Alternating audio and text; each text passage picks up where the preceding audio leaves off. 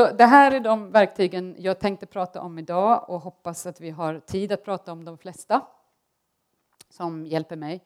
Eh, så vi kommer komma till i alla fall de flesta av de här och gå igenom dem i lite mer eh, detalj. Men jag ville bara lägga fram dem först. Så att, eh, jag jobbar mycket med någonting jag kallar central thematic question och flera av er kanske har hört talas om det här andra uttrycket som finns, CDQ, central dramatic question.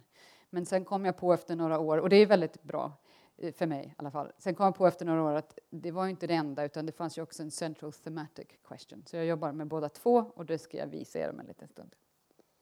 Sen tänker jag också på vad är temats linje genom berättelsen? Ni som arbetar med manus eller med berättelser på alla olika vis. Eh, numera pratar vi alltid om resor och i alla möjliga, eh, till och med på ja, tv, såna här lifestyle-program, allting. Alla har en resa hela tiden plötsligt. Det kommer ju mycket härifrån, att alla har gått så här Robert McKee-grejer, så blir allting likadant. Um, men så det finns väldigt många olika linjer och resor i en berättelse och det ska jag också komma till lite mer detalj. Det är inte bara karaktären som har en resa genom filmen utan publiken har också en resa. Och ju mer koll vi håller på den desto bättre blir manuset jättesnabbt. Eh, och sen har själva temat också om jag vet och är tydlig nog med det för mig själv kan temat ha en resa, en linje genom hela manuset så att den har en eventuell tematisk utveckling. Då kan det bli intressant. Tema och form, struktur som jag pratade om efter pausen skapar vissa mönster, berättarmönster. Så struktur handlar ju om hur upplever publiken handlingen? Hur upplever publiken berättelsen? Och för mig är struktur nästan som musik, att jag kan liksom eh, redigera, regissera, orkestrera hur eh, publiken eh, känner i olika rytm och tempon och mönster. Eh, och ni som har erfarenhet av, som klippare eller av klippprocesser, det är ju väldigt lika där. Det är väldigt spännande att se hur en samma handling kan bli totalt olika berättelser genom att vi bara klipper om olika, dels strukturen men också övergångarna där vi slutar och börjar senare. Sen har vi alltid drivande frågor i en story. Jag kommer tillbaka till det också. Eh, dels för karaktären, men också för publiken. Det kan ni ju tänka själv. Jag vet inte om ni såg någon film igår eller förrgår. Eh, när ni sitter och tittar, vad, vad vill... Vad är er fråga? Vad tänker ni på där? Vill jag att det här ska hända? Eller hur mycket vet jag? Eller hoppas jag på det här? Eller oroar jag mig för att det här ska hända? Så att publiken har också en drivande fråga som gör att vi engagerar oss. Och det här fungerar ju på olika sätt i olika stilar och genrer. Så det här handlar inte om att allt ska se likadant ut i någon mall, utan det här ger oss förhoppningsvis verktyg så att vi själva som författare och kreatörer kan eh, göra våra val så att det blir mer intressant. Eh, hinder kommer jag prata rätt mycket om, förhoppningsvis om en liten stund.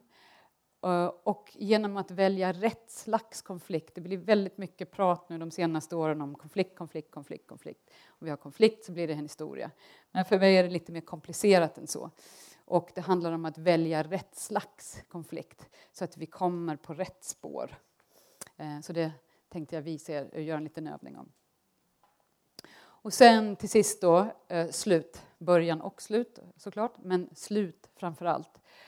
Slut är en av mina favoritämnen att prata om. Ibland gör jag hela dagar workshops om bara slut. För att jag tycker det är så intressant, jag tycker det är så svårt och igen så ser jag att väldigt sällan blir det ett genomtänkt, välvalt slut. Det är väldigt ofta det bara tar slut för man inte orkar mer eller man kommer inte på något mer. Så, eh, så jag tänkte prata, och för mig är temat jätteviktigt i slutet. Så det tänkte jag prata mer om efter pausen och bara visa väldigt enkelt hur man kan ha en liten checklista och se att det kanske fanns lite mer där än vad man trodde. Okay. Så. Eh, ni som läste den här eh, beskrivningen av den här föreläsningen eh, kanske kommer ihåg att, att jag skrev någonting om tema som hjärtefråga. Och det är egentligen där jag vill börja. Att igen, eh, det här är väldigt generellt då, men igen med många gånger när jag jobbar med författare och jag måste säga speciellt här i Sverige har jag sett det väldigt, väldigt mycket, upplevt det väldigt mycket. Att jag känner att när jag nämner ordet tema för en författare så blir det nästan som ett strypgrepp. Som och så tror man att åh, nu måste jag ha något jätteintressant att berätta om. Jag måste kunna säga något väldigt intelligent, någonting som passar, ligger rätt i tiden, eh, som visar liksom hur smart jag är. Jag menar, jag hör ju inte att de säger så, men det är de här känslorna. Liksom. Så att teman blir väldigt um, ofta svårt att prata om, för det blir stor uh, pressure liksom där. Um, och för mig har det blivit mer och mer tydligt att både när jag skriver och när jag jobbar med författare att, och det är väl hela grejen idag egentligen, om ni tar med en sak från idag så ta med det här. Att för mig är tema en, en frågeställning. Ett tema är inte ett svar. Ett tema, det är inte att när jag ber dig om prata om ditt tema så är det inte det att du måste liksom duka fram någon väldigt eh, intelligent, sofistikerad, vis eh, sammanfattning av livet eller samhället eller något sånt där. Utan det är en frågeställning som vi kanske aldrig får svar på, som kanske filmen försöker, jag säger film, jag menar också dramaserier, jag menar 360, men någonting här bildberättande, ljud och bildberättande. Att förhoppningsvis kanske den filmen börjar försöka svara på frågan, men kanske inte, det blir något svar. Men den gör ändå under sin tid att vi som publik får engagera oss med den här tematiska frågeställningen. Vi får tänka och tycka vad vi tycker om den. Vi får uppleva frågor, situationer, eh, tankar runt de här frågorna. Att det är det som berättandet går ut på, att jag ställer er djup och meningsfull fråga som jag kanske aldrig kan ge ett svar på. Och för min skull, när jag jobbar så som författare och som dramaturg, då känner jag att det blir väldigt mycket mer förlösande. Jag behöver inte liksom stå här och predika och eh, liksom ge något svar på livet, utan jag kan bara komma och säga att det här har jag tänkt på. Det här är en fråga som ligger mig varmt om hjärtat. Det här är en fråga jag vill prata med er om. Det här är en fråga jag vill försöka liksom luska vidare i. Vad hittar vi då? Och då plötsligt, för mig i alla fall, blir det mycket mer intressant, det blir roligt, det blir motiverande. Det gör att jag liksom vill fortsätta prata om det här, fortsätta tänka på det här. Så därför så jobbar jag oerhört mycket med frågor och frågeställningar när jag jobbar dramaturgiskt också som författare. Och det här kommer vi gå in på mer väldigt snart. Att, att, att skapa frågor hela tiden gör för mig att min process blir väldigt öppen, väldigt dynamisk, väldigt kreativ, att jag hela tiden vill gå vidare. Eh, och också mer eh, lustfylld och glädjefylld. Jag blir nyfiken på vad jag håller på med. Sen måste man ju någonstans börja se till att man syr ihop allting och sådär. Men det, det behöver inte alltid vara det. Att jag känner att jag måste ha något att säga. Utan det är mer att jag har en fråga som känns väldigt viktig för mig. Väldigt angelägen eller väldigt intressant. Och då menar jag inte att det här bara funkar för stora tragedier utan det funkar precis lika bra med komedier eller feelgood. Um, man brukar ju säga att en en komedi det är bara en tragedi som, där man skrattar istället för gråter. Fast jag tänkte häromdagen, tänkte en komedi kanske är en tragedi som slutar väl. Det är liksom slutet som bestämmer, är det en komedi eller tragedi? Men komedi är ju fullt av tragedier på vägen dit, det är bara att det finns ett lyckligt slut. Så vad jag börjar med, eller man behöver inte börja här, men någon gång under processen så om man som författare känner att man måste sätta sig ner med sitt tema, med sin berättelse och ställa de här frågorna till sig själv eller liknande. Du måste ha ett intimt ärligt, genuint samtal med dig själv om det här. För då är det mycket lättare att prata med andra om det. Och om det ska bli en film måste vi prata med jättemånga om det. Producenter, skådespelare, fotografer, klippare, regissörer.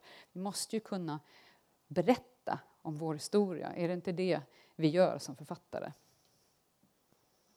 Så att, att tycka att det är roligt att prata om sin historia, det är roligt att berätta. Det ska inte vara så här fyllt med vånda, tycker jag.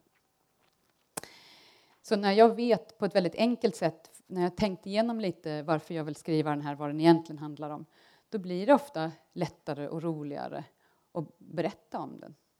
Det blir inte så att jag sitter uh, uh, ja och sådär och... Så ni kan ju ta med det här hem och tänka på de här frågorna i relation till något projekt ni har. Varför vill du berätta det? Varför är det viktigt? Och det är inte sånt som igen du behöver med något snyggt stylite pitchdokument utan det här är något du måste veta för dig själv. Då kan du stå för din berättelse. Det var någonting jag tyckte var jättesvårt för sådär en 15 år sedan. Jag ville berätta men jag vågade inte riktigt. Inte liksom fullt ut. Och sen har jag gjort massa saker som gjort det lättare att göra det. Men jag känner att det är väldigt viktigt att kunna stå för det vi vill berätta. Och då menar jag inte stå för liksom att det här är den rätta vägen utan att stå för att det här vill jag berätta, det här är viktigt för mig. Det här är viktigt för mig och därför vill jag berätta det. Och då igen blir det väldigt mycket enklare, känner jag, och kanske inte enklare, men på något vis, att ha massa möten med producenter och dramaturger och regissörer. Kan man prata på ett enkelt, tydligt, starkt, genuint sätt istället för att man liksom bara håller på att prata om andra saker för man inte riktigt vågar prata om det man egentligen vill. Och jag tänker lite på Tatjana då, som kommer snart och ska hålla en, en föreläsning i den här lokalen också. Det kommer hon prata om. Och jag läste igen hennes grejer och frågar liksom, hur kan man skriva någonting på riktigt om man inte liksom lever på riktigt. Så det är ju samma sak där, att, att våga. Våga vara kreativ och genuin. Så nu tänkte jag gå in lite mer då på så här metoder, lite mer i detalj och visa er lite mer vad jag menar. Ni får väldigt gärna ställa frågor om ni vill någon gång. Så jag använder mig väldigt mycket av de här uttrycken då som jag sa, central dramatic question, central thematic question. Och vissa av oss är väldigt allergiska mot sådana här begrepp och, och det är okej, okay, men nu berättar jag vad som har hjälpt mig. Um, det här är väldigt enkelt och väldigt svårt samtidigt. Och väldigt uh, uh, roligt, tycker jag också. Så vi ska göra en övning om det om en liten situation, om en liten sekund. Eh, men genom att, som jag sa, att jag arbetar mycket med frågeställningar, inte bara till författaren, utan jag ställer alltid frågor till berättelsen, till manuset, till handlingen, till karaktärerna. Jag frågar dem rent, varför gör du så? Vad vill du då? då? försöker behandla dem som riktiga, äkta, levande varelser. Och när jag har i mina händer två, eller tre, eller fyra eller fem stora huvudfrågor då känner jag att de blir liksom det som håller ihop allt det här stora materialet. Om det nu är en långfilm, eller om det är en åtta timmars serie eller en 48 timmars webbserie eller vad det är. Måste ha något som liksom håller, hjälper mig hålla allt det här stora materialet, så få substans. Så det kan vara komplext och intressant. Och då de här frågorna liksom har jag i min lilla backpocket och kan liksom ta ur som en liten kompass så att jag inte går så mycket vilse. Det är ju roligt att gå vilse också. Vi måste gå vilse lite grann. Går jag tillbaka här när man skriver och bara låter sig komma precis vart man vill. Men efter ett tag jag har gått vilse så är det rätt bra att försöka börja liksom kartlägga och, och, se med kompassen, var är jag någonstans då egentligen? Var var jag här nu? Så att den här vilse Eh, turen leder till någonting. Så hur hittar vi de här kompassfrågorna? Det här är väldigt snabbt då, men jag bara illustrerar för er att eh, de här eh, tre vad jag menar med en fråga. En sån här fråga. Så vi säger att det här är en eh, åtta timmars krimiserie till exempel. Så då tänker jag här, eh, CDQ, Central Dramatic Question. Och då pratar jag om både inre och yttre karaktärsresor. Så den yttre är liksom, vad händer? Vad händer i handlingen? Vad är den stora, inte bara drivande frågan, men den frågan som håller fokus till allting? Vad är den i handlingen? Jo, till exempel i den här eh, krimserien är det att kommer Kwame kunna lösa mordgåtan? Det är en fråga som i den här låtsasserien liksom går som en röd tråd genom alla sex avsnitt. Eh, på något vis som går upp och ner och liksom runt på alla möjliga sätt. Men det är liksom den röda tråden i handlingen. Det är, en sån, det är hur enkel den är och att jag hela tiden kommer tillbaka till den. Ska jag säga, mm, men här vill jag att vi plötsligt ska känna att han inte kommer göra det. Här vill jag att det ska plötsligt komma nya möjligheter. Här vill jag att han plötsligt inte vill lösa den längre. Så att jag hela tiden har något väldigt tydligt att relatera den till. Och när jag har det som en frågeformulering så gör det att det, liksom, det ger energi framåt. Det är inte bara det att det är någon, något slags svar jag måste anlända till utan det är hela tiden en öppen affär där jag kan komma någon annanstans. Eh, för det kan ju vara så att det finns flera huvudpersoner. Det kan vara så att det är en annan struktur. Men det är bra att ha koll på de två, tre. Eh, men man kan göra det här för varje karaktär. Och så kan man se hur de här frågorna um, kolliderar eller uh, kombineras på intressanta sätt. Men man måste också komma ihåg att, att publiken har en fråga. Och hur relaterar den för karaktärens drivande fråga är inte alltid densamma som publikens. Vi ska fortsätta titta på det, så vi kommer tillbaka.